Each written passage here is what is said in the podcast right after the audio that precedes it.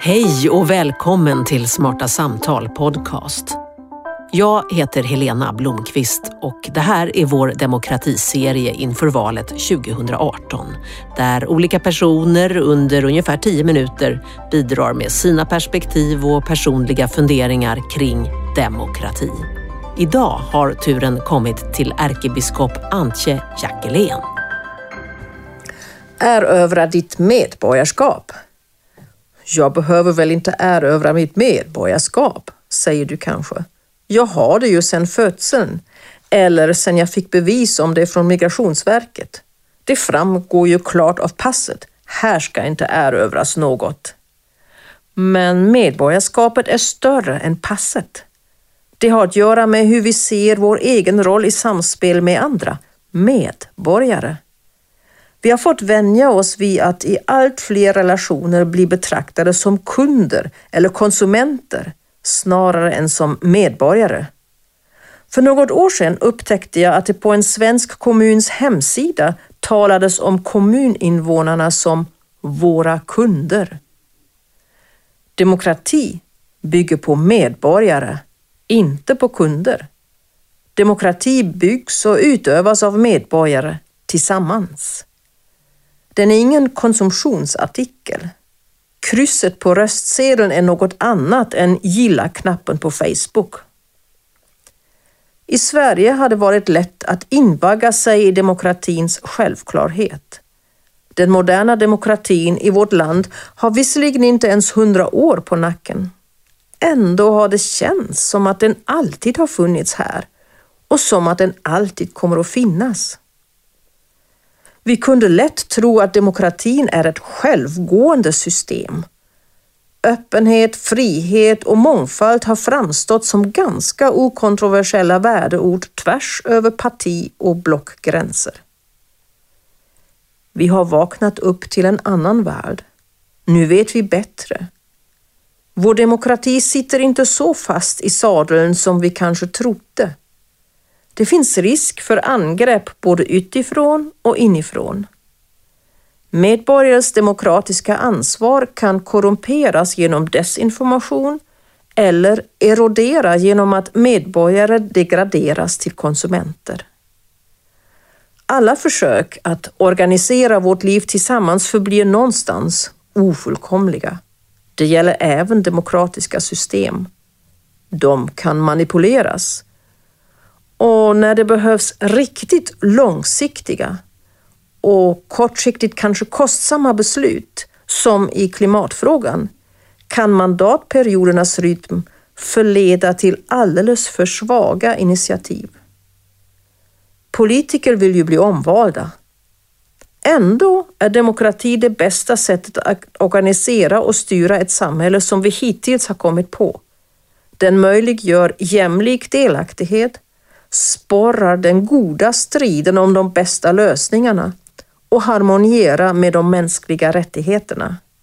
Den är värd att vårda och försvara. En demokrati behöver först och främst demokrater, det vill säga människor som är beredda och har sin stolthet i att vara delaktiga och bidra snarare än att konsumera. Demokrater är människor som kan hålla ihop både frihet och ansvar i tanke och i handling. Medborgare, helt enkelt. Demokrati behöver dessutom näring. Den är varken självgående eller självförsörjande utan måste livnäras om den inte ska dö. Demokrati måste hela tiden matas med värderingar och en del av dessa värderingar kommer alltid att ha religiösa rötter. Det senare må förvåna i ett land som länge har favoriserat neutralitet. I Sverige har tolerans i livsåskådningsfrågor uppnåtts genom att reducera dem till privata angelägenheter och hålla det offentliga rummet så neutralt som möjligt. Jag vill dock hävda att den tolerans som uppnås genom att mötas, stöta och blöta är robustare och mer demokratisk än den som uppstår genom att undvika varandra och hålla vitala övertygelser utanför den offentliga dialogen. Livsåskådningsneutralitet skapar lätt ett värdevakuum. Vi har sett tafatta försök att fylla detta vakuum med så kallade svenska värderingar. Värderingar som inte tillmäts större allmängiltighet än vad ett lands gränser medger är dock inte så mycket att ha. Värderingar har ingen nationalitet. Däremot har de djupa livsåskådningsmässiga och religiösa rötter. Det gäller frågan om människans värdighet, ofta förkortat till människovärde, likväl som den allmänt accepterade gyllene regeln. En av domarna vid Tysklands författningsdomstol, Ernst Wolfgang Böckenförde, formulerade på 1960-talet en tes som är fortsatt aktuell.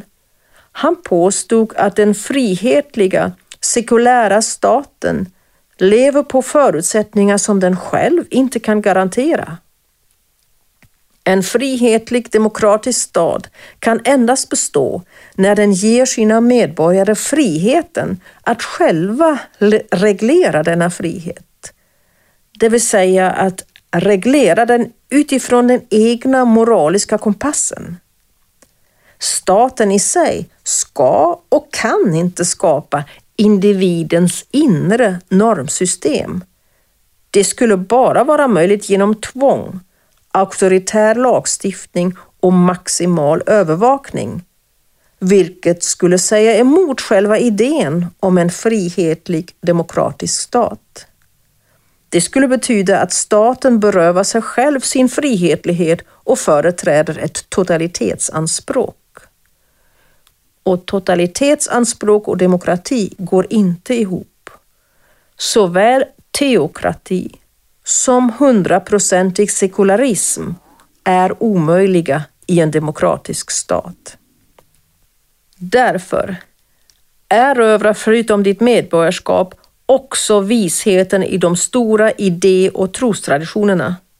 Förbi är den tid då modern, vetenskaplig och tolerant var liktydigt med ateistisk eller agnostisk och omodern, ovetenskaplig och intolerant var liktydigt med religiös eller troende.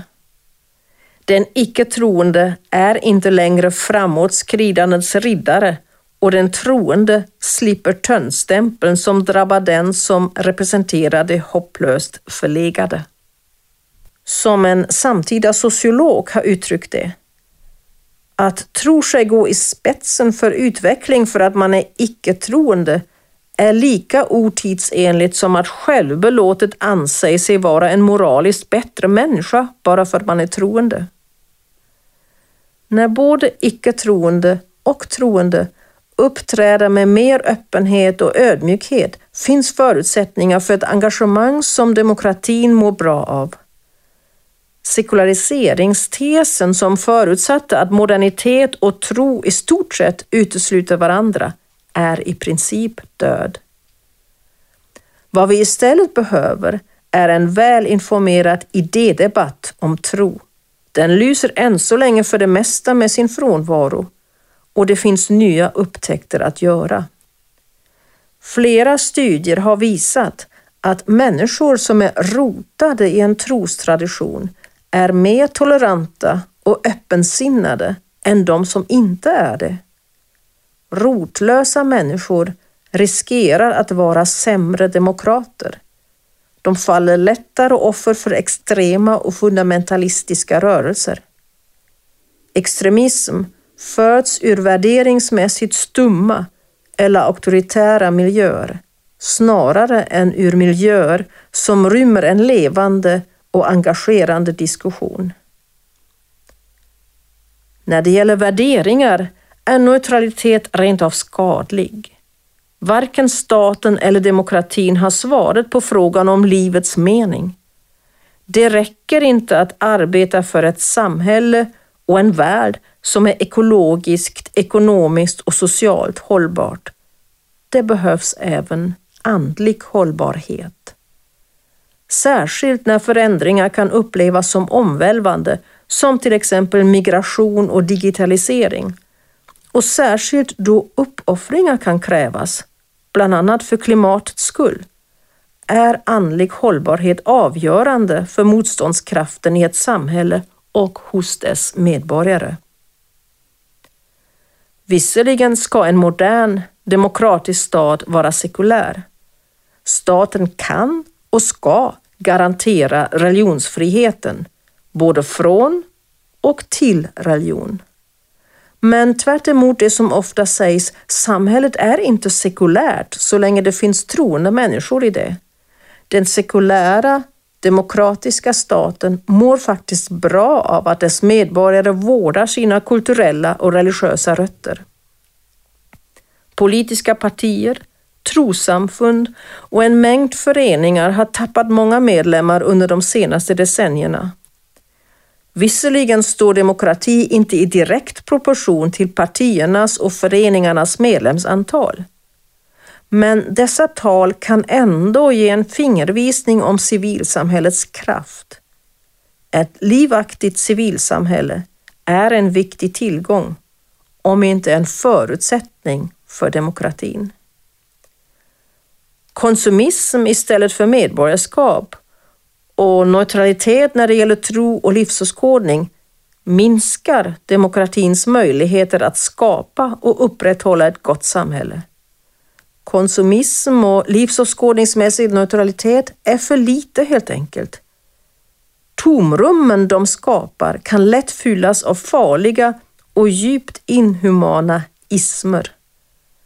Som människor både kan och vill vi mer och bättre än så. Erövra och vårda ditt medborgarskap och det du ytterst litar på. Hur ser din delaktighet i civilsamhället ut? Det här var ärkebiskop Antje Jackeléns bidrag till Smarta Samtals podcastserie om demokrati. Och det var också en del av den text som ärkebiskopen skrev för boken Handbok för demokrater som ges ut av Natur och kultur. Imorgon har turen i Smarta Samtals demokratiserie kommit till Sven Hagströmer, grundare och ordförande Avanza och Creades. Då handlar det om hans syn på demokrati och kapitalism i skön förening. Om krisen i vår demokrati och om var och ens ansvar att skydda den. Lyssna gärna då.